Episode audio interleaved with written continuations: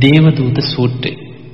පළවෙනි දේශනාව කියනකොට ඔබට මතක් වෙයි එහෙමනම් චුල්ලහති පදෝපම සූත්‍රයේ නේද මිහිඳු මහරහතන් වහන්සේ ඉස්සල්ලාම ලංකාවේදී දේශනා කරේ. ඇත්තෙන්ම චුල්ලහති පදෝපම සූත්‍රය රජතුමාටයි මුලින්ම දේශනා කරේ මිහිඳු මහරහතන් වහන්සේ.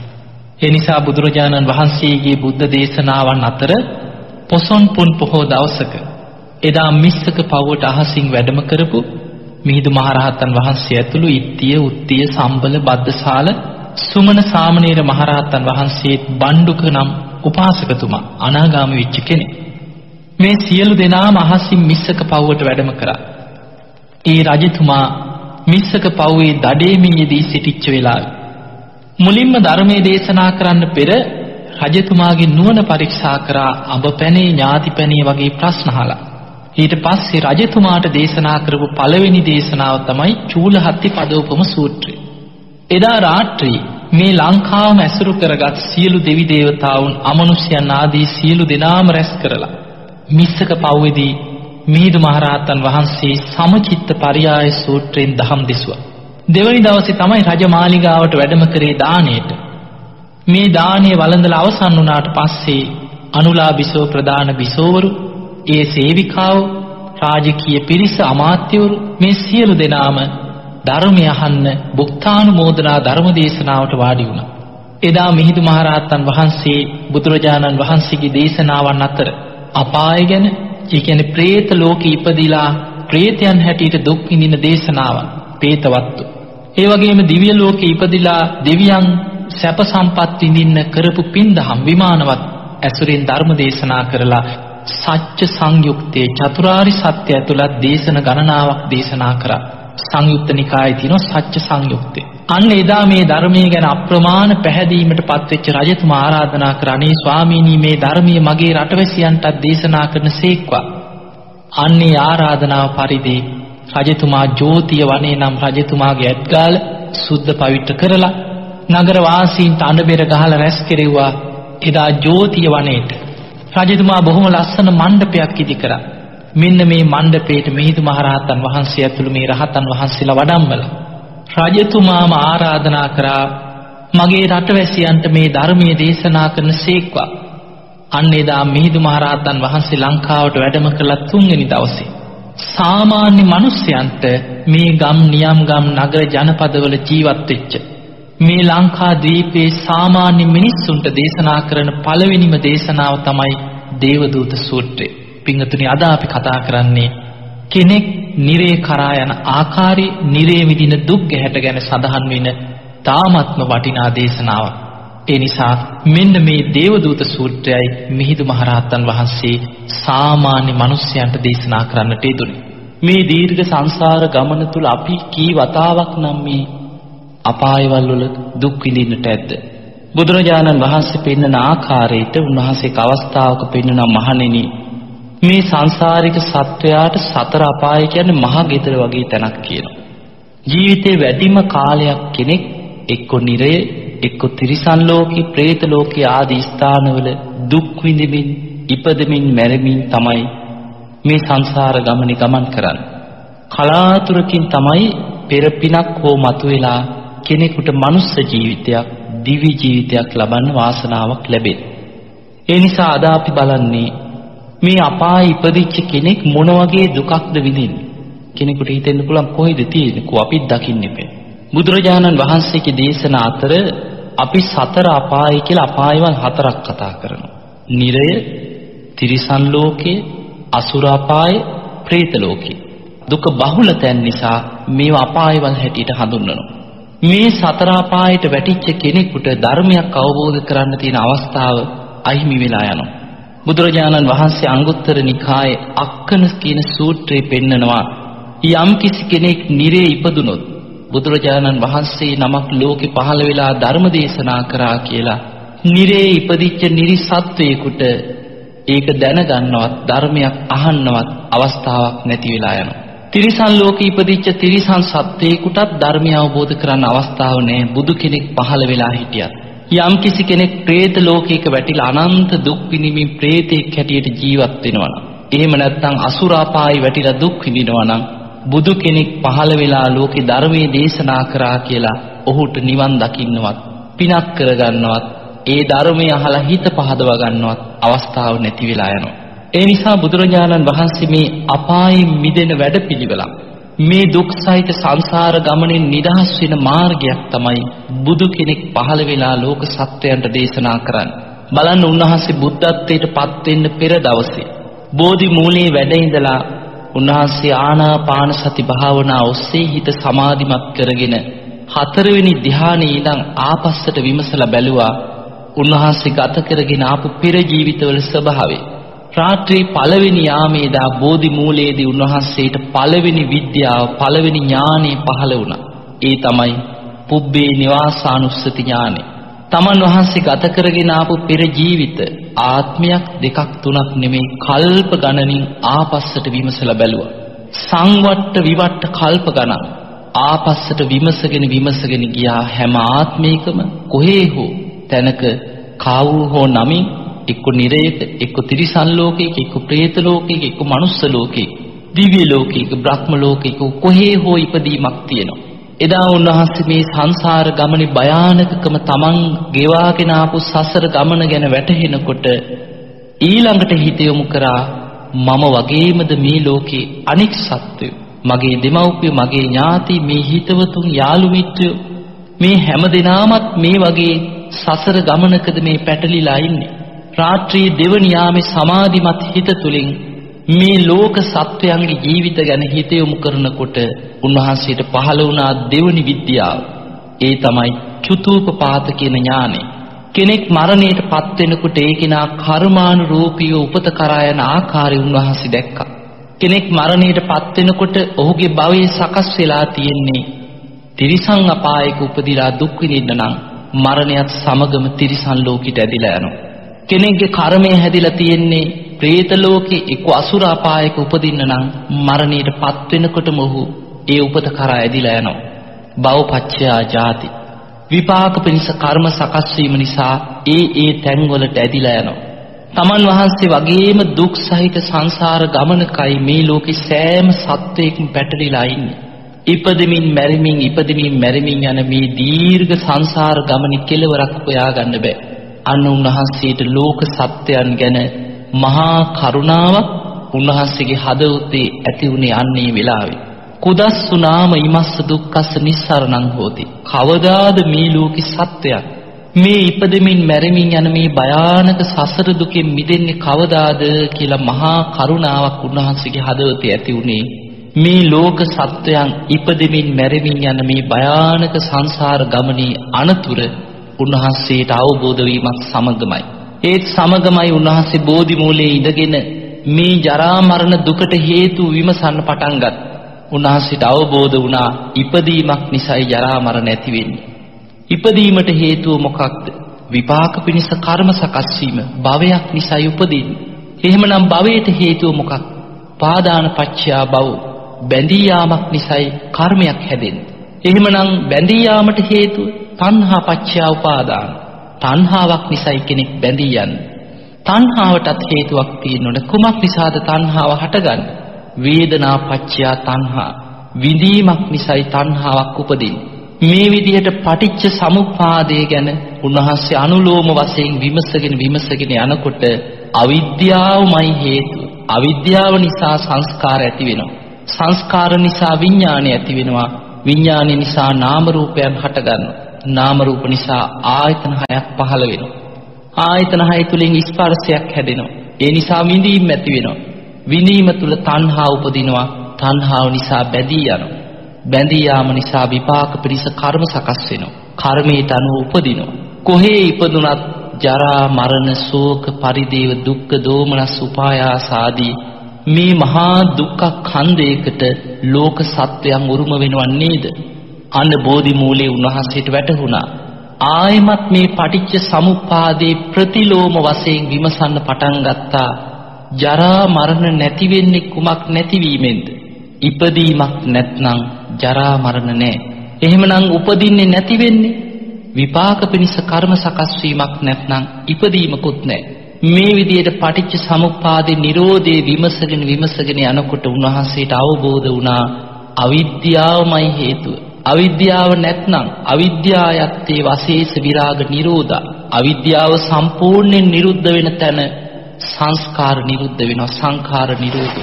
සංස්කාර නිරුද්ධ වීමෙන් විඥානි නිරුද්ධ වෙලා යනවා. අවිද්‍යා සහගත විඥානයක් ආයිමත් ඇති වෙන්නේ නැහැ. විඥානි නිරුද්ධ වෙනවා. විඥාන නිරෝධා නාම රූප නිරෝධෝ. නාම රූප නිරුද්ධයි. නාම රූප නිරෝධයෙන් අවිද්‍යා සහගත ආයතන හය නිරුද්ධ වෙලා යනවා. ආයතන හය නිරුද්ධ වීමෙන් අවිද්‍යා සහගත ස්පර්ශය නිරුද්ධ වෙනවා. ඒ ස්පර්ශය නිරුද්ධ වීමෙන් අවිද්‍යා සහගත විඳීම නිරුද්ධ වෙලා යනකොට තණ්හාවක් උපදින්නේ වේදනා නිරෝධා තණ්හා නිරෝධෝ.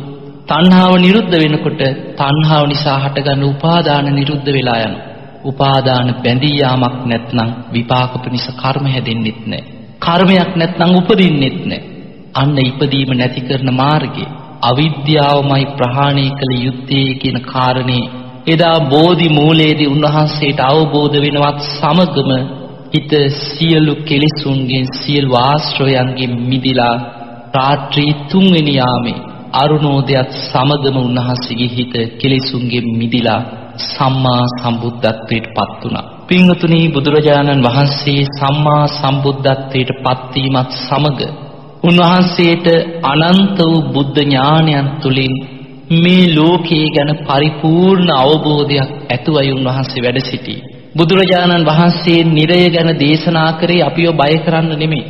මෙහිම പ്രേතයෝ ඉන්නවා මේ වගේ උපත් තියෙනවා අමනුෂ්‍ය වෙලා උපදිනවා නිරේ වැටිලා මේ වගේ දුක් විඳින්න වෙනවා කියේ මේ පොඩි ළමයි බය කරන්නවත් වැරදි කරන අයව බය කරන්නවත් නෙමෙයි. බුදුරජාණන් වහන්සේ කවමදාවත් බොරුවක් කියපු කෙනෙක් නෙමෙයි. උන්වහන්සේ දේශනා කරන මහණෙනි තථාගතයන් වහන්සේ යම් දවසක දීපංකර පාද මූලයේදී නියත විවරණ ලැබුවාද? එදා පටන් අසංකීය හතරකුත් කල්පලක්ෂයක් මේ පාරමී ධර්ම පුරාගෙන උන්වහන්සේ දාන ආදී පාරමී ධර්මයන් පාරමී උපපාරමී පරමත්ත පාරමී හැටියට ජීවිත පරිත්‍යාගයෙන් දියුණු කරගෙන ආපු ගමනේ උන්වහන්සේගේ අතින් නොඑක් නොඑක් වැරදි වෙන්නට ඇති. හැබැයි කිසිම දවසක බොරුවක් නම් කියලා නෑ කියන. ඇයි උන්වහන්සේ එන්නේ මොක අවබෝධ කරන්නද? අසංකීය හතරකුත් කල්පලක්ෂයක් පෙරුම් පුරාගෙන යම් ඉලක්කයක් කරා ගමන් කරගෙන ආවේ මේ සංසාර ගමනේ පරම සත්‍ය අවබෝධ කරන්නයි. පරම සත්‍ය අවබෝධ කරන්න එන ගමන තුල උන්වහන්සේ කවමදාවත් කිසිම වෙලාවක බොරුවක් නම් කියලා නෑ කියන මේ සංසාර ගමනේ. ඒ නිසා බුදුරජාණන් වහන්සේ බුද්ධත්වයට පත් වෙලා නිරේ ගැන යම් දේශනාවක් කරා නම් ඒක කවුරුත් බය කරන්න බොරුවට කරපු දෙයක් නෙමෙයි. ඒ බුදුරජාණන් වහන්සේ බුදු ඇසින් නිරේ ස්වභාවය දැක්ක නිසාමයි. නමුත් බුදුරජාණන් වහන්සේ දකිනවා මේ ලෝකේ සත්‍යයන්ගේ ස්වභාවය. ඒ නිසා සමහර සිදුවීම් බුදුරජාණන් වහන්සේ දැක්කත් බොහෝ වෙලාවට උන්වහන්සේ සාක්ෂිකාරයෙක් ඒක දකින තව කෙනෙක් මුණ ගැහින තෙක් බුදුරජාණන් වහන්සේ නිහඬව ඒ ගැන දේශනා නොකර හිටපු බව අපිට ධර්ම ග්‍රන්ථවල දකින්න ලැබෙනවා. එතකොට අපට පේනවා බුදුරජාණන් වහන්සේ දැකපු හැම දෙයක්ම දේශනා කරේ නැහැ. මොකද බොහෝ දෙනෙක් සැක උපදවන්න පුළුවන්.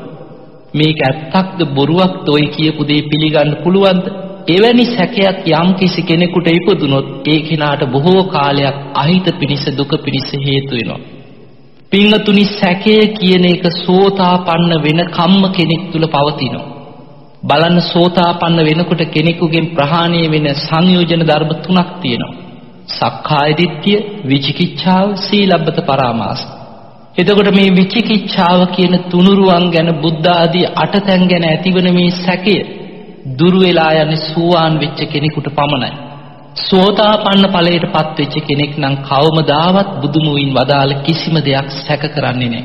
ඒකේ නා දන්නවා බුදුරජාණන් වහන්සේ සම්මා සම්බුද්ධයි. උන්වහන්සේ ගැන සැකයෙන් ඈතර වෙච්ච කෙනෙක්. ඒ නිසයි සෝතාපට්ටි අංග හතරක් පෙන්නකොට බුද්ධේ අවිච්ඡ ප්‍රසාදේ බුදුරජාණන් වහන්සේ ගැන අචල සද්ධාවකින් වෙනස් නොවන සද්ධාවකින් යුක්තයි කියන සෝවාන් ඵලයටපත් වෙච්ච කෙනා. ධම්මේ අවිච්ඡ ප්‍රසාදේ ධර්මයේ ගැන වෙනස් නොවන අචල සද්ධාවකින් යුක්තයි කිය. සංඝයා ගැන මාර්ගඵලලාභී ශ්‍රාවකයන් ගැන කාටවත් වෙනස් කරන්න බැරි අචල සද්ධාවකින් යුක්තයි කියලා. ආර්යකාන්ත සීලයෙන් යුක්තයි කිය. ඒ නිසා තුනුරුවන් ගැන සැක නොකරන ස්වභාවයේ තියෙන සුවාන් වෙච්ච කෙනා තුලයි. අනිත් ඕනෙම කෙනෙකුට ධර්මාවබෝධය ලැබෙන තෙක්ම යම් යම් සැක සංකා උපදින්න පුළුවන්. ඒක සංයෝජනයක් හැටියටත් නීවරණයක් හැටියටත් නීවරණ කියන්නේ අකුසල් ගොඩක් අකුසල රාශි සූත්‍ර බුදුරජාණන් වහන්සේ පෙන්වුවා. ඒ නිසා කෙනෙක් තුල මේක අකුසලයක් හැටියටත් පංච නීවරණ ධර්මවලත් විචිකිච්ඡාවාදී සැකී උපදිනවා. ඒ නිසා බුදුරජාණන් වහන්සේ මේ දේශනා කරන නිරේ ගැන දේශනාව බුදුරජාණන් වහන්සේ මේ දේශනාව අවසානෙත් පෙන්නනවා මහණෙනි මේ දේශනාව දිට්ටි සම්පන්න කෙනෙක් මිසක් ඒ කියන්නේ සෝවාන් ඵලයටපත් වෙච්ච තුනුරුවන් ගැන සැකයෙන් එතර වෙච්ච කෙනෙක් තමයි කියනවා මේ දේශනාව ගැන පරිපූර්ණයෙන්ම මේක මේ විදිහමයි කියන පිළිගැනීමට ඇති අනිත් අයට නොපෙනෙන නිසා වටහා ගැනීමට නුවණක් නැති නිසා අපිට ගෝචර නොවන දෙයක් නිසා කෙනෙකුට සැකයක් උපදින්න පුළුවන්. ඒ නිසා පින්වතුනි සැකයක් උපදින්නේ නැතුව බුද්ධ දේශනාවක් නිසා බුද්ධ භාෂිතයක් නිසා බුදුරජාණන් වහන්සේ අපිට නොපෙනෙන ලෝකයක් ගැන පෙන්වන මේ දේශනාව ඔබ හොඳට ශ්‍රවණය කළොත් ඔබටම මේ භයානක සංසාර ගමනින් නිදහස් වෙන්න ඕනෑ කියන වීරිය ඇති කරගන්න මේ දේශනාවම උපකාර වෙනවා. අද අපි කතා කරන මේ දේශනාවේ නම දේවදූත සූත්‍රය. මජ්ක්‍ධිම නිකායේ නම් වූ බුදුරජාණන් වහන්සේ වදාළ මධ්‍යම ප්‍රමාණ දේශනා ඇතුළත් මේ කොටසට තමයි දේවදූත සූත්‍රය ඇතුළත් වෙලා තියෙන්නේ. එදා බුදුරජාණන් වහන්සේ සවැත් නුවර ජේතවනාරාමේ අනාථ පින්ඩික සිටුතුමා විසින් කරවපු මේ ආරාමේ බුදුරජාණන් වහන්සේ වැඩ සිටිද්දී භික්ෂුන් වහන්සේලා බොහෝ පිරිසක් ගිහි පිරිස විශාල පිරිසක් ධම්සභා මණ්ඩපයට රැස් වෙලා හිටියා බුදුරජාණන් වහන්සේගෙන් බණහන් මේ සියලු දෙනාම අමතලා බුදුරජාණන් වහන්සේ මෙන්න මේ වගේ දේශනාවක් කරනවා මහණෙනි මෙන්න මේ කාරණේ හොඳට අහගන්න කි. අහලා ධාරණය කරගන්න මතක තියාගන්න. මහණෙනි බුදුරජාණන් වහන්සේ තුල තියෙන දිවස් නුවණ මෙන්න මේ ආකාරයි. එන බුදුරජාණන් වහන්සේට දිවසක් තියෙනවා දිබ්බ චක්කු. සාමාන්‍ය මිනිස්සෙකුට ඇසෙන් පෙනෙනවට වඩා දුර ඈත තියෙන දේවල් දිව්‍ය ලෝකවල දේවල් බ්‍රහ්ම ලෝකවල බ්‍රහ්මයන් ගැන ඒ දිව්‍ය විමාන බ්‍රහ්ම විමාන ඒ වගේම අමනුෂ්‍ය ලෝක අපායේ නිරිසත්‍යයන් දුක් විඳින ආකාර දුර ඈත තියෙන දේවල් බුදුරජාණන් වහන්සේට දිවසින් දකින්න පුළුවන්. ඒ වගේමයි දිබ්බ සෝත කියනවා සාමාන්‍ය කන ඉක්මවා ගිය දිවසක් බුදුරජාණන් වහන්සේට තියෙනවා. ඒ නිසා කෙනෙකුට ඇහෙන්නේ තමන්ගේ මේ අවට තියෙන හඬවල් පමණයි. නමුත් බුදුරජාණන් වහන්සේට දිව්‍ය ලෝකවල දෙවියන් කතා කරන දේවල් අහන්න පුළුවන් දිබ්බ සෝත නම් වූ ඥානයක් තියෙනවා. බ්‍රහ්ම ලෝකවල බ්‍රහ්මයන් කතා බස් කරන දේවල්. නිරේ නිරිසතුන් විඳින දුක අඩුගානේ නිරේ පාලකයා වෙච්ච යම රජුරුවන්ගේ සිතුවිල්ල පවා බුදුරජාණන් වහන්සේට දැකීමේ නුවණක් තියෙනවා. අන්න ඒ නිසා බුදුරජාණන් වහන්සේ වදාළ මහණෙනි තථාගත බුදුරජාණන් වහන්සේ මිනිස් ඇස ඉක්මවා ගිය දිවසකින් මේ ලෝකේ සත්වයන් මරණයට පත් වෙලා උපත කරා යන ආකාරය දකින්නේ මෙන්න මේ විදිහටයි කියනවා. බුදුරජාණන් වහන්සේ වදාලා ඒක හරියට එකිනෙකට ප්‍රතිවිරුද්ධව දෙපස ගෙවල් දෙකක් තියෙනවා. හරියට අපි ගත්තාම පාර දෙපැත්තේ එකිනෙකට ප්‍රතිවිරුද්ධ ගෙවල් දෙකක් තියෙනවා. මේ ගෙවල් දෙකේම දොරවල් ජනෙල් සියල්ල ඇරලා තියෙනකොට ගෙවල් දෙක ඉදිරියේ ඉන්න ඇස් තියෙන හොඳ නුවණින් සිහියෙන් මේ දෙපස බලන්න පුළුවන් කෙනෙකුට මේ ගෙවල් දෙක දිහා හොඳ අවධානයෙන් බලාගෙන ඉන්නකොට මේ ගෙදරට ඇතුල් වෙන අය, ගෙයින් එහා මෙහා ඇවිදගෙන යන අය, ගෙයින් පිට වෙන අය, මේ ගෙදරින් එහා ගෙදරට යන අය මේ සියලු දෙනා දකින්න පුළුවන් හොඳින් බලාගෙන ඉන්න කෙනෙකුට. ඒ දකින්නේ සාමාන්‍ය ඇසකින්. එතකොට සාමාන්‍ය මිනිස්සෙක් ගෙවල් දෙකක් ඉදිරියේ ඉඳගෙන ඒ දොරවල් ජනෙල් ඇරලා දාලා තියෙන ගෙවල් දෙකකට ඇතුල් වෙන අයත් පිට වෙන අයත් එහා මෙහා ගමන් කරන අයත් පියවි ඇසින් දකිනවා වගේ බුදුරජාණන් වහන්සේ මිනිස් ඇස ඉක්මවා ගිය දිවසකින් කෙනෙක් මරණයට පත් වෙලා නිරයට ඇදිලා යන ආකාරයත් කෙනෙක් මරණයට පත් වෙලා තිරිසන් ලෝකයට උපත කරා යන ආකාරයත් කෙනෙක් මරණයට පත් වෙලා പ്രേත ලෝකයට ඇදිලා යන ආකාරයත් ඊළඟට කෙනෙක් මරණයට පත් වෙලා දිව්‍ය ලෝක බ්‍රහ්ම ලෝක වලට ඇදිලා යන ආකාරය. ඒ ඒ ලෝක වලින් චුත වෙලා ආයමත් මනුස්ස ලෝක වලට අපායවල වලට වැටෙමින් මේ සංසාරික සත්වයා මනුස්ස ලෝකේ නිරේට සමහරලාට නිරේන් තිරිසන් ලෝකෙට එතනින් ආයමත් නිරේකට එතනින් പ്രേත ලෝකයකට මේ විදියට ඉපදෙමින් මැරෙමින් ඉපදෙමින් මැරෙමින් එහා මෙහා ගමන් කරන ආකාරය බුදුරජාණන් වහන්සේ මිනිස් ඇස ඉක්මවා ගිය දිවසකින් දකින්නවා කියලා බුදුරජාණන් වහන්සේ වදාළා.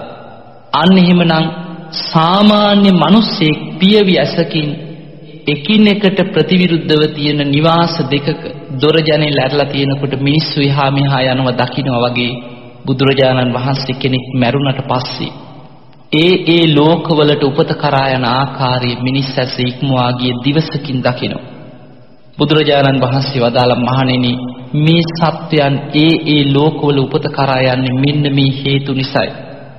අන්න බුදුරජාණන් වහන්සේ වදාළ මහණෙනි මේ සත්‍යයන් ජීවත් වෙලා ඉන්නකොට කායික සුචරිතයේ දෙනු වචනෙන් සුචරිතයේ දෙනවා මනසින් සුචරිතයේ දෙනවා.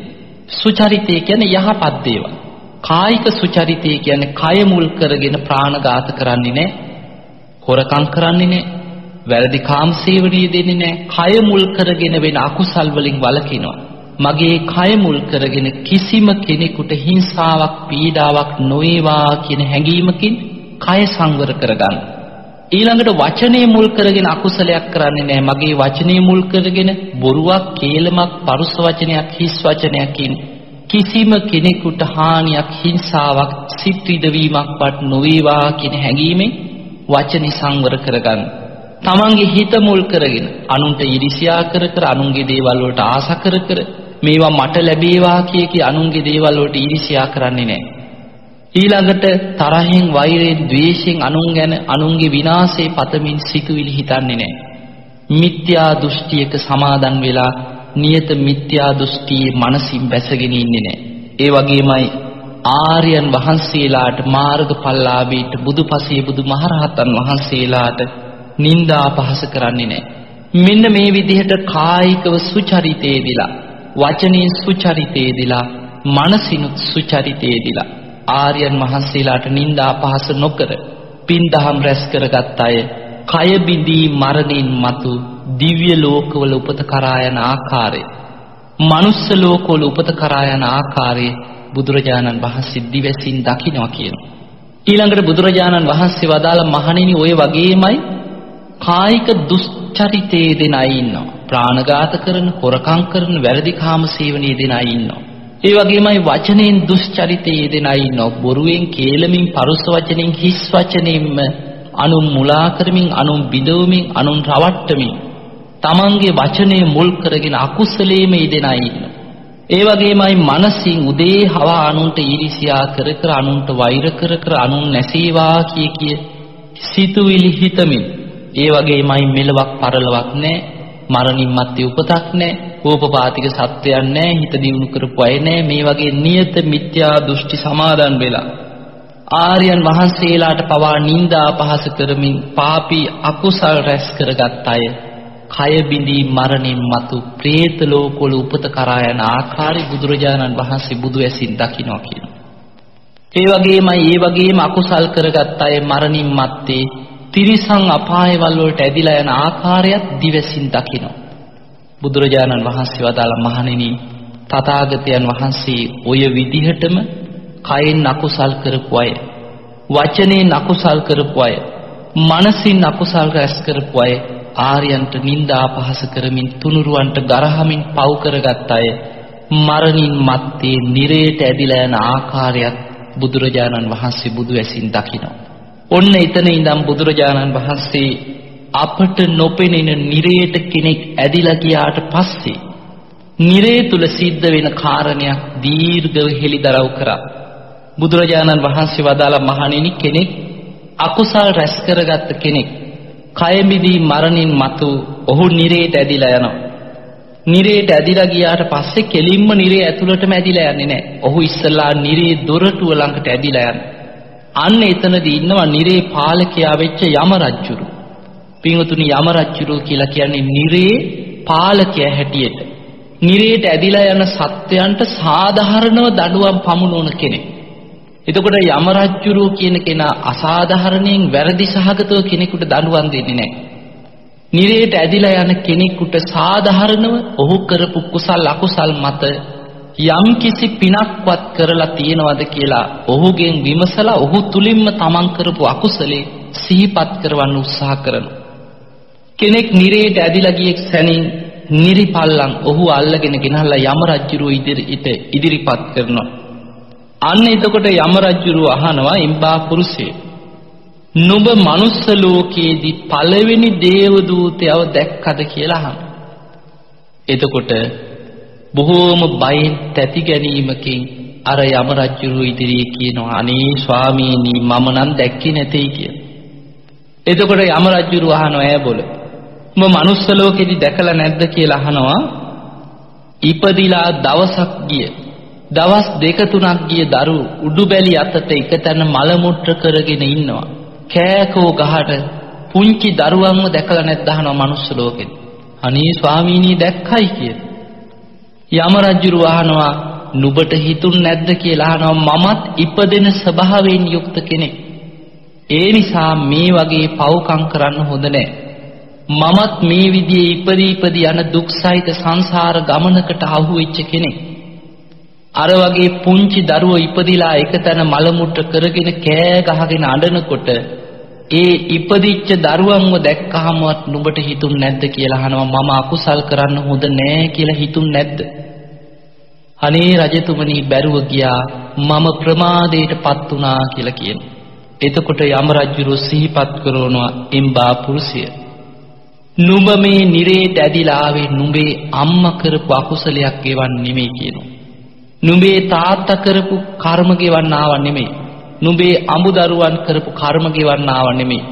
නුඹේ ඥාතීන් යාළු මිත්‍රෝ හිතවතුන් සේවකයන් කරපු කර්මයක් ගෙවන්න ආව නෙමෙයි.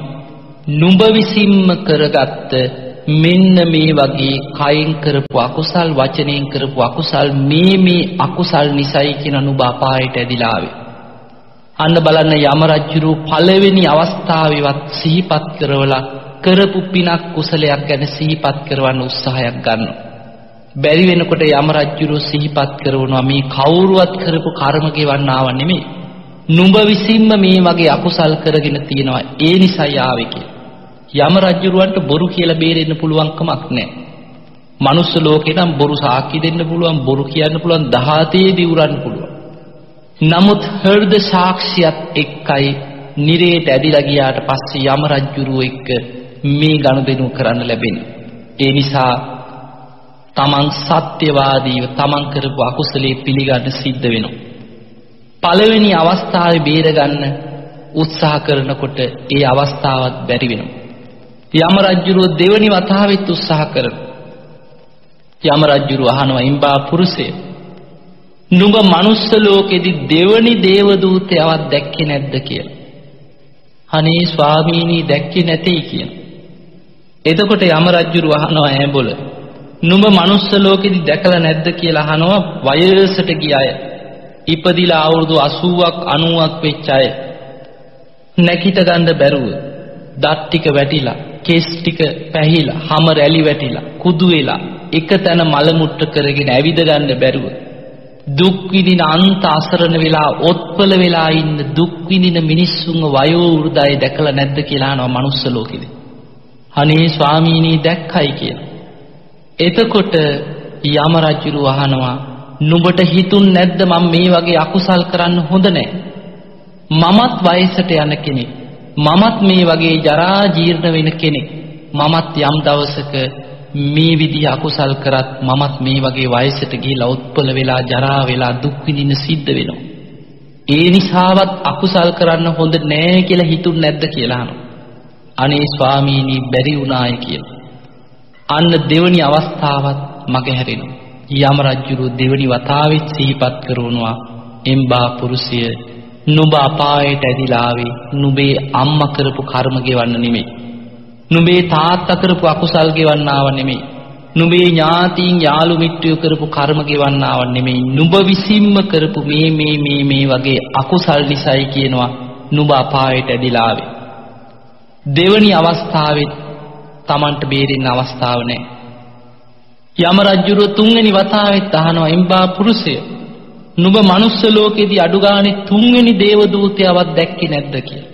අනේ ස්වාමීනි මම දැක්කේ නැtei කියලා. යම රජුරුව සිහිපත් කරනවා ඈ නුඹ manuss ලෝකෙදී දැකලා නැද්ද? ලෙඩ දුක් හැදිලා ඔත්පල වෙලා තුවාල හැදිලා කුණු වෙලා ජරා ජීර්ණ වෙලා දුක් විඳින මිනිස්සුන් එක තැන මල මුට්ට පහ කරගෙන දුක් විඳින කෑ ගහන විලාප දෙන රෝගී වෙලා අන්ත දුක් විඳින මිනිස්සුන්ව දැකලා නැද්ද කියලා. අනේ ස්වාමීනි දැක්කා කියලා. එතකොටවත් නුඹට හිතුන් නැද්ද කියලා අහනවා මමත් ලෙඩ වෙන කෙනෙක්. මමත් මේ වගේ දුක් විඳින ස්වභාවයෙන් යුක්ත ශරීරයක් ඇති කෙනෙක්. ඒ නිසාවත් පව් කරන්න හොඳ නෑ කියලා උඹට හිතුන් නැද්ද? අනේ ස්වාමීනි මට බැරුව ගියා. මට හිතුනේ නෑ මං අකුසල් කරගත්තා කියලා. තමන් හෘද සාක්ෂියට එකගව කරපු අකුසලේ පිළිගන්න. යම රජුරෝ සිහිපත් කරනවා නුඹ අපායට ඇදිලා ආවේ නුඹේ අම්මා තාත්තා ඥාතියෙක් යාළුවෙක් කරපු කර්මයක් එවන්න නෙමෙයි. නුඹ අපායට ඇදිලා ආවේ නුඹ විසින්ම කරපු මේ මේ මේ මේ වගේ අකුසල් නිසා යාවේ කියලා තුන්වෙනි වතාවෙත් සිහිපත් කරනවා. හතරවෙනි වතාවෙත් අහනවා එම්බා පුරුෂය නුඹ manuss ලෝකෙදි හතරවෙනි දේව දූතයවත් දැක්කද කියලා අහනවා. අනේ ස්වාමීනි දැකලා නැtei කියලා. ඈ නුඹ manuss ලෝකෙදි දැකලා නැද්ද අහනවා අපරාධ කරලා රජවරුන්ගෙන් දඬුවම් ලබන මිනිස්සු. ඒ කාලේ තිබ්බ දඬුවම් ගැන කියනවා වැරදි කරලා අහු වුණාට පස්සේ හොරු මිනිමරුව වැරදි කරපු මිනිස්සු රජතුමා ළඟට යොමු කරාට පස්සේ එක්ක අත් දෙක කපනවා. පන පිටින් කකුල් දෙක කපනවා. පොළොවේ වල්ලලා ඇත්තුලව්ව පාගවනවා. රත් වෙච්ච තෙල් කටාරම් ඔළුවේ හලනවා. ඊළඟට උඩ එල්ලලා යට ඉඳන් හැම ගහනවා. හැම ගලවනවා. ඊළඟට උඩ ඉඳන් හැම ගලවනවා. රහිනවා පන පිටි. මේ වගේ දස වද දෙන මිනිස්සුන්ව දැකලා නැද්ද? අනේ ස්වාමීනි දැක්කයි කියන. එතකොටවත් උඹට හිතුන් නැද්ද කියලා අහනවා මම මේ වගේ අකුසල් කරන්න හොඳ නැහැ. මටත් මේ වගේ දුක් සහිත වේදනා විඳින්න වෙයි මටත් දඬුවම් විඳින්න වෙයි කියලා හිතුන් නැද්ද කියලා අහනවා. අනේ ස්වාමීනි මට ඒක තේරුම් ගන්න බැරුව ගියා. මම අකුසල් කරගත්තා කියලා. යම රජුරු හතරවෙනි වතාවේ සිහිපත් කරනවා නුඹ අපායට ඇදිලා ආවේ නුඹේ අම්මා තාත්තා කරපු කර්මයක් ගෙවන්න නෙමෙයි. ඥාතියෙක් යාළු මිත්‍රයෙක් සහෝදරයෙක් කරපු කර්ම ගෙවන්න නෙමෙයි. නුඹම කරගත්ත මේ මේ අකුසල් නිසයි කියන අපායට ඇදිලා ආවේ. පස්වෙනි වතාව අවසාන වතාව යම රජුරු පස්වෙනි වතාවේ අහනවා එම්බා පුරුෂයේ නුඹ පස්වෙනි දේව දූතයවත් දැක්කේ නැද්ද කියලා. අනේ ස්වාමීනි දැක්කේ නැtei කියලා. ඈනුඹ manuss ලෝකෙදි දැකලා නැද්ද මැරිච්ච මිනිස්සු? මැරිලා දවස් දෙක තුනක් ගිය. දවස් 3-4ක් ගිහිල්ලා මේ කුණු වෙලා ගිය අය. ශරීරයේ තැන් තැන් වලින් පුපුරලා සැරව ගලන අය. මැරිලා කුණු වෙලා ගිය මිනිස්සුන්ව දැකලා නැද්ද අහනවා. මැරිච්ච මිනිස්සුන් මලකුණු දැකලා නැද්ද අනේ ස්වාමීනි දැක්කයි කියන. එහෙමනම් ඔබට හිතුන් නැද්ද මේ පව්කම් කරනකොට මමත් මැරෙන කෙනෙක්. මමත් මැරෙන ස්වභාවයෙන් යුක්ත කෙනෙක් මේ වගේ පව්කම් කරන්න හොඳ නෑ කියලා හිතුන් නැද්ද කියලා අනේ ස්වාමීනි මට හිතුන් නැtei කියනවා. මම වැරදි කරා මට මේක තේරුම් ගන්න බැරුව ගියා කියලා තමන් කරපු අකුසලේ තමන්ගේ හෘද සාක්ෂියට එකඟව යම රජුරු ඉස්සරහා පිළිගන්න සිද්ධ වෙනවා. යම රජුරු අන්තිම වතාවෙත් සිහිපත් කරනවා එම්බා පුරුෂය නුඹ අපායට ඇදිලා ආවේ නුඹේ අම්මා තාත්තා කරපු අකුසලයක් එවන්න නෙමෙයි. නුඹේ ඥාතින් යාළු මිත්‍රයෝ නෑදෑයෝ සහෝදරයෝ කවුරුත් කරපු කර්ම ගෙවන්න ආව නෙමෙයි. නුඹ විසින්ම කරපු මේ මේ මේ මේ වගේ අකුසල් නිසයි කියන අපායට ඇදිලා යම රජුරෝ මේ විදියට කරුණු කියලා නිහඬ වෙනවා. එච්චරයි යම රජුරුවන්ගේ කාර්යය. සාධාරණව තමන් කරපු අකුසලේ සිහිපත් කරනවා. යම රජ්ජුරුව නිහඬ වෙනවට පස්සේ යම පල්ලම් මොකද කරන්නේ මේ කෙනාව නිරය ඇතුළට ඇදලා ගන්නවා. පින්වතුනි එතනින් එහාට තියෙන්නේ මේ නිරේට ඇදිලා ගිය කෙනාට තියෙන දුක් ටික බුදුරජාණන් වහන්සේ බුදු ඇසින් දැකලා එකින් එක එකින් එක විස්තර කරනවා. මහණෙනි මේ නිරේ ඇතුළට ඇදලා ගන්න කෙනාව ඉස්සරලාම යමපල්ලු කරන්නේ රත් වෙලා ගිනිගෙන දිලිසෙන පොළවේ උඩු බැලි අතට තියලා අත් දෙකටයි කකුල් දෙකටයි පපුවටයි උල් පහක් අනිනවා කිය. එතකොට අත් දෙකටයි කකුල් දෙකටයි පපුවටයි උල් පහක් අනිනකොට වේදනාවෙන් විලාපදිදී කෑ ගගහ විලාපදිදී මේ නිරේට ඇදිලා ගිය කෙනා අන්ත දුකක් විඳිනවා. මෙරි මෙරි එතනම පහළ වෙනවා. මේ විදිහට කාලයක් දුක් විඳිනකොට යමපල්ලු මේකෙන ඇදලා අරගෙන කකුල් දෙකෙන් උස්සලා කෙටේරියක් අරගෙන කකුල් දෙකේ ඉනම් පහළට රැහැගෙන රැහැගෙන යනවා කියන.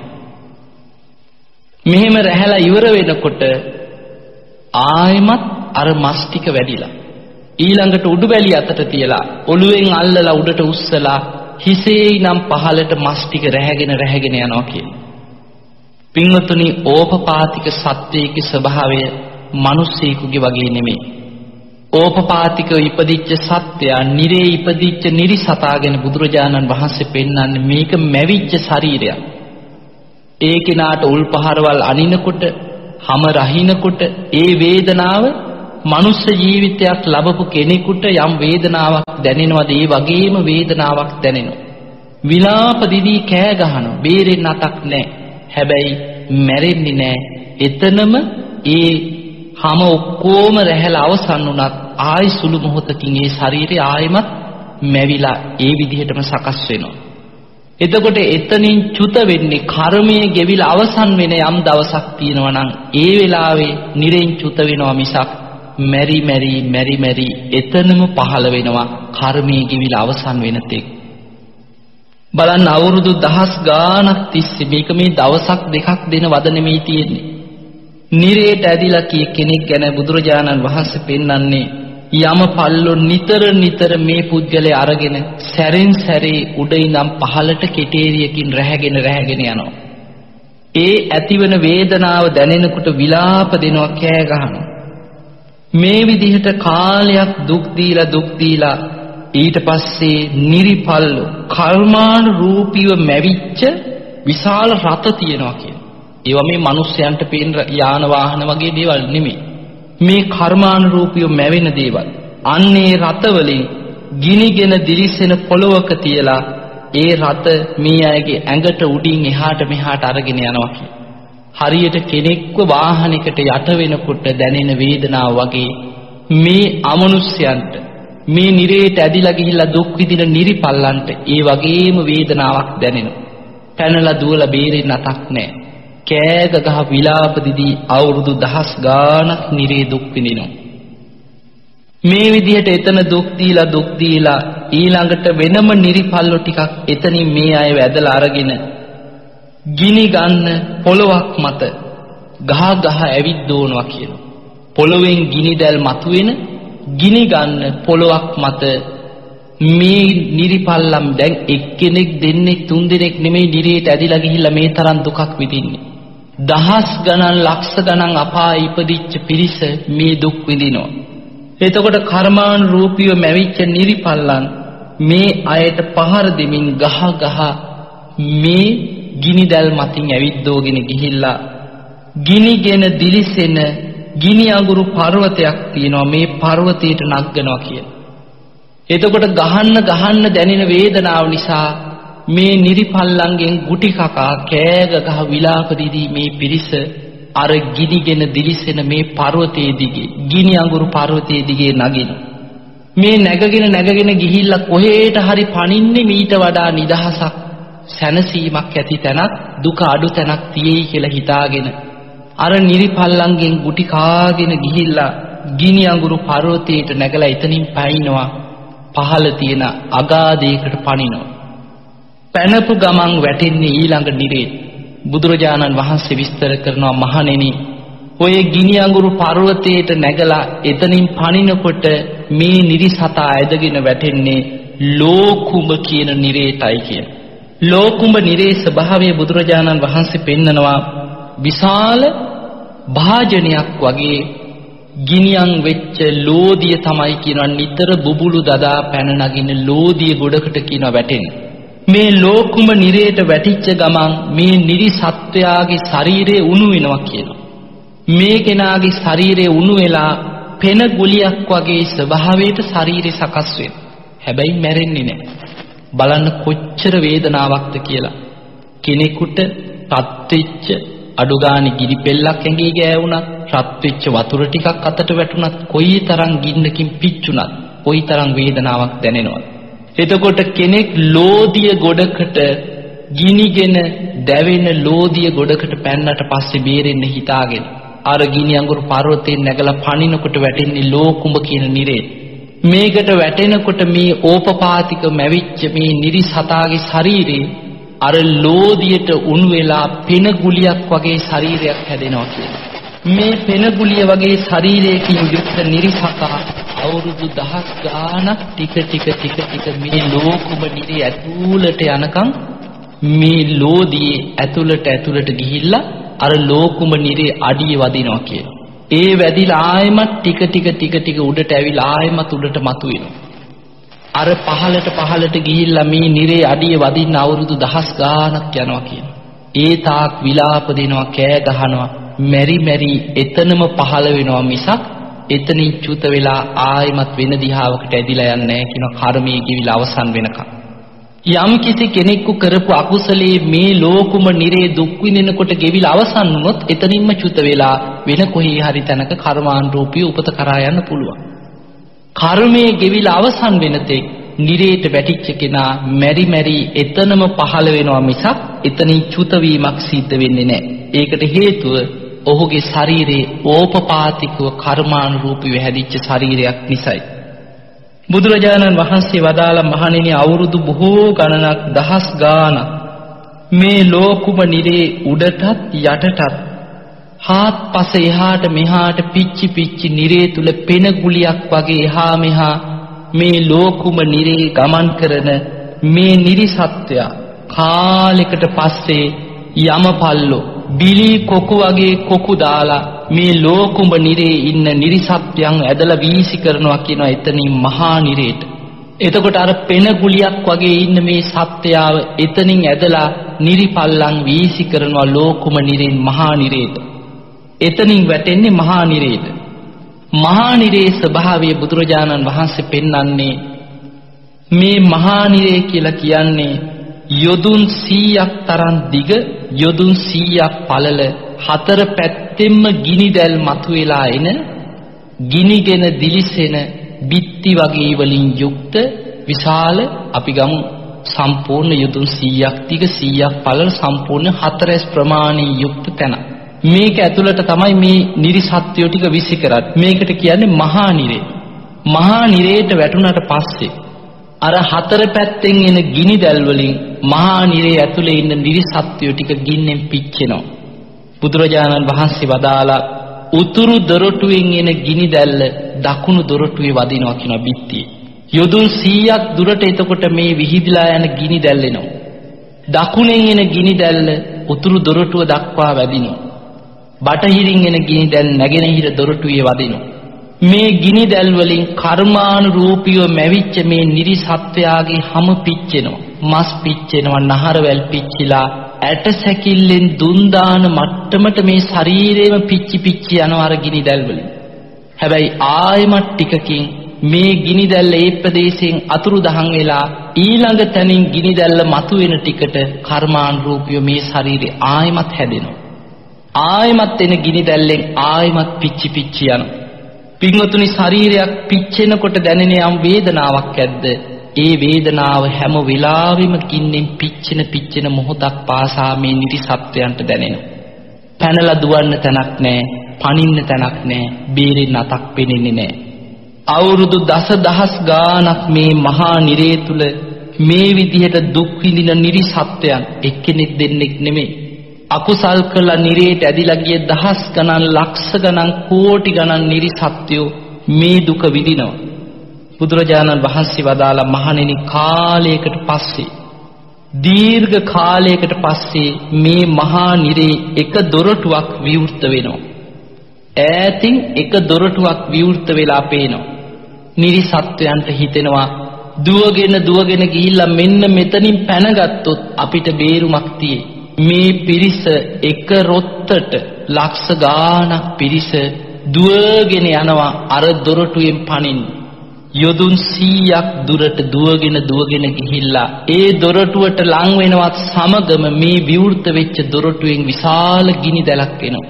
මේ ගිනි දැලට දුවගෙන එනකොට මේ සම්මස් නහර පිච්චිලා දොරටුව ළඟට එනකොට ඇට සැකිල්ලක් විතරයි කියනවා ගිනි ඇවිලෙන ඉතුරු වෙන්නේ. දොරටුව ළඟට එනකොටම දොරටුව වැහිලා යනවා. ඒ දොරටුවෙන් පැන ගන්න තැනක් නැති වෙනවා.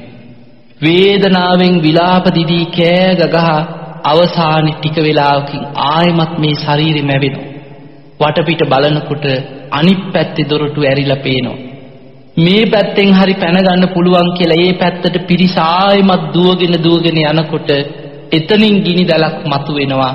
ඒ ගිනි දැල්ල මේ ගින්න පීරගෙන කෑ ගහගෙන දුවනවා මෙතනින් හරි පැනගත්තාම අපිට නිදහසක් තියෙයි. ඒ ගිනි දැල්ලට සම්මස් නහර පිච්චිලා ශරීරේ අර ඕපපාතික මැවිච්ච ශරීරේ ඇට සැකිල්ලත් ගිනි ගන්න මට්ටමටපත් වෙනවා කියනවා.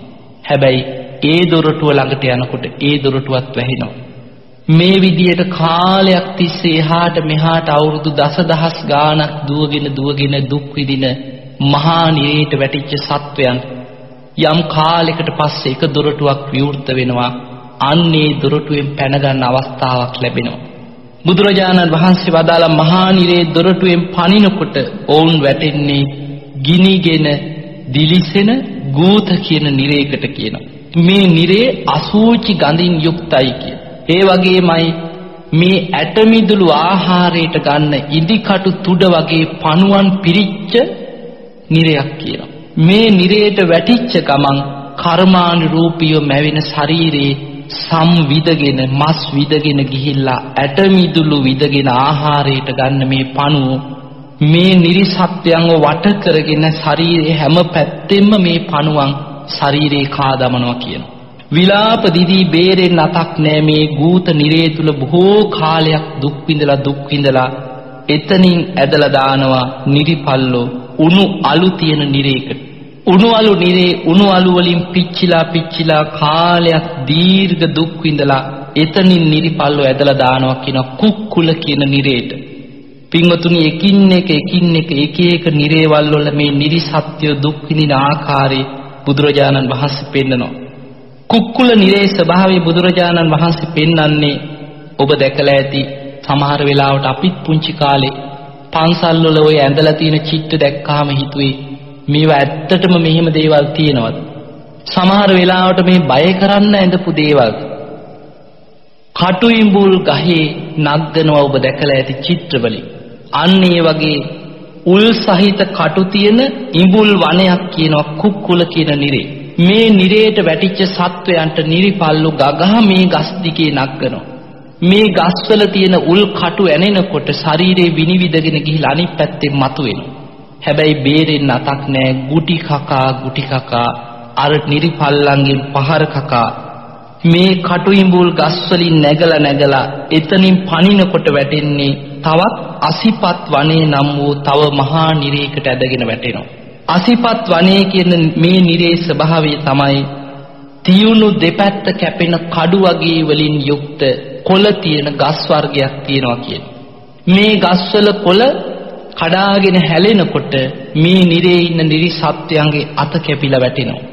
නහය කැපිලා වැටෙනවා. ශරීරේ සම්පූර්ණයෙන්ම දෙකට කැපෙනවා. හැබැයි ආයෙමත් යා වෙනවා කර්මානුරූපීව. මේ විදියට මේ වනෙන් අසිපත් වනෙන් දුවගෙන දුවගෙන ගිහිල්ලා එතනින් පනින්නේ වේතරණී කියන නිරේකට. බලන්න බුදුරජාණන් වහන්සේ වදාලා මහණෙනි අර කටු ඉඹුල් ගස්වල නැගලා මේ උල් සහිත කටු ඇනිලා ඇනිලා ඒ දුක් විඳලා අසිපත් වනේ දිගේ දුවගෙන දුවගෙන ගිහිල්ලා දෙපැත්ත කැපෙන තියුණු කොළවලට අත්පය ශරීරේ කොටස් කපාගෙන ඊළඟට වේතරණී නිරේට බේරෙන්න කියලා හිතාගෙන නිරිපල්ලු පනිනකොට වේතරණී නිරේ හරියට රත් වෙච්ච ගිනිගෙන දිලිසෙන දියර දලාගෙන යන ලෝදිය වගේ ලුණු සහිත දියරයක් කියනවා මේ නිරේ තියෙන්නේ. ඔබ හිතන්න කැපිච්ච තුවාලයකට ලුණු වැටෙනකොට කොච්චර දනවද වේදනාවක් ඇති වෙනවද? අර අසිපත් වනයේ තුල ශරීරේ කපාගෙන ලේ ගලාගෙන වේදනාවෙන් පැනගෙන ගිහින් පණින අමනුෂ්‍යයන් වැටෙන්නේ වේතරණී කියන නිරේට. මේ නිරේ තුල පැහැමින් අර ලුණු දියර වලින් අර තුවාල වලින් විශාල වේදනාවක් විඳිනවා. විලාප දිදී මේ නිරේ තුල ගසාගෙන යන මේ නිරි සත්‍යයව නිරි පල්ල ඔහු ඇදලා අරගෙන අහනවා. නුඹට මොනවද ඕනේ? අනේ මට බඩකිනී කියලා. ආ නුඹට කෑමක් කියලා නිරිපල්ල මොකද කරන්නේ? කට දෙපැත්තට විවෘත කරලා ගිනිගෙන දිලිසෙන යකඩ උලක් කට දෙපැත්තට තියලා කට ඈත් කරනවා කියන. ඈත් කරලා ලෝදිය ගුලියක් අරගෙන උගුරට දානවා කියනවා බුදුරජාණන් වහන්සේ වදාළ මහණෙනි නිරිපල්ලෝ මේ ලෝදිය උගුරට දමනකොට බෙල්ල පිච්චිලා බඩවැල් පිච්චිලා ශරීරයේ උගුරු දඬු මේ ඔක්කොම පිච්චීගෙන පිච්චීගෙන ගිහිල්ලා අදෝ මාර්ගෙන් මේ ගිනි ගුලිය එළියට යනවා කියනවා. ඊළඟට අහන උඹට තව මොනවද ඕනේ? අනේ මට පිපාසයි කියලා. පිපාසයි කියනකොට ලෝදිය අරගෙන උගුරට වක් කරනවා. ශරීරේ පිච්චීගෙන පිච්චීගෙන ගිහිල්ලා මේ ලෝදිය ටික පසුපසින් පිට වෙනවා. මේ විදියට වද දීලා වද දීලා මේ නිරිසත්‍යව ආයමත් කරකෝලා විසි කරනවා කියනවා මහා නිරේ. බුදුරජාණන් වහන්සේ වදාලා මහණෙනි ඔය විදිහට නිරේ උපදින්න හේතු වෙච්ච කර්මය අවුරුදු 100ක්ද 1000ක්ද කල්පයක්ද කල්ප ගණනාවක් අවුරුදු ලක්ෂ ගාණක්ද මේ කර්මයේ ගෙවිලා අවසන් වෙනකම්ම නිරෙන් නිරේට වැටි වැටි දුක් විඳ විඳ නිරේම ඉපදී ඉපදී අකුසලයේ ගෙවනවා මිසක් මෙතනින් චුත වීමක් නම් නෑ කියලා බුදුරජාණන් වහන්සේ වදාළා. බුදුරජාණන් වහන්සේ මේ දේශනාව කරලා භික්ෂූන් වහන්සේලාට කියනවා මහණෙනි නිරේ ඉපදිච්ච නිරිසත්යෙක් විදින දුක දකිනකොට යම රජ්ජුරුවන්ටත් මෙවැනි සිතුවිල්ලක් ඇති වුණා බුදු ඇසින් දැක්ක කියනවා. අනේ මටත් ලෝතුරා බුදු කෙනෙක් ලෝකයේ පහළ වෙච්ච කාලයක මේ යම රජු හැටියට ඉන්න නිරේ මේ තනතුරින් මිදිලා මටත් මනුස්ස ජීවිතයක් ලබාගෙන ඒ බුදුරජාණන් වහන්සේගේ ශාසනයේ බණහලා දුකින් මිදෙන්න තියෙනවා නම් කොයි තරම් දෙයක්ද කියන සිතුවිල්ල යම රජුරුවන්ගේ හිතේ මතුවෙනවා කියලා නිරේ ඉන්න නිරිසත්‍යෝ විඳින දුක දකිනකොට. බුදුරජාණන් වහන්සේ මේ දේශනාව කරලා අවසානයේ මෙන්න මේ විදිහට වදාලා. තං කෝපන අහම් භික්කවේ ඥාඤ්ඤස්ස සමනස්සවා බ්‍රාහ්මනස්සවා සුත්වා වදාමි. අපිච යදේව මේ සාමඤ්ඤාතං සාමන් දිට්ඨින් සාමං විදිතං තමේවාහං වදාමි. බුදුරජාණන් වහන්සේ වදාළ මහණෙනි මේ දේශනාව බුදුරජාණන් වහන්සේ වදාළේ කිසිම ශ්‍රමණයෙක්ගෙන්වත් බ්‍රාහ්මණයෙක්ගෙන්වත් දෙවියෙක්ගෙන්වත් කාගෙන්වත් අහලා දැනගත්ත දෙයක් නන් නෙමෙයි කියනවා. ඇයි කෙනෙක් සැක කරන්න පුළුවන් නිසායි බුදුරජාණන් වහන්සේ මෙහිම කියන්නේ. අපිච යදේව මේ සාමඤ්ඤාතං මහණෙනි බුදුරජාණන් වහන්සේ ඥාණයෙන් ප්‍රත්‍යක්ෂ කරගෙනමයි කියන මේක දේශනා කරේ. සාමන් දිට්ඨින් තමන් විසින්ම දැකලමයි කියනවා මේක දේශනා කරේ. සාමං විදිතං තථාගතයන් වහන්සේ විසින් මේක ප්‍රත්‍යක්ෂයෙන්ම අවබෝධයෙන්ම දැනගෙනමයි කියන මේක දේශනා කරේ තමේ වාහං වදාම්. ඒ නිසා මහණෙනි සැකයක් උපදවා ගන්න එපා කියලා බුදුරජාණන් වහන්සේ දේශනා කරා. දැන් බලන්න මේ නිරේ නිරි සත්‍යයක් විදින දුක.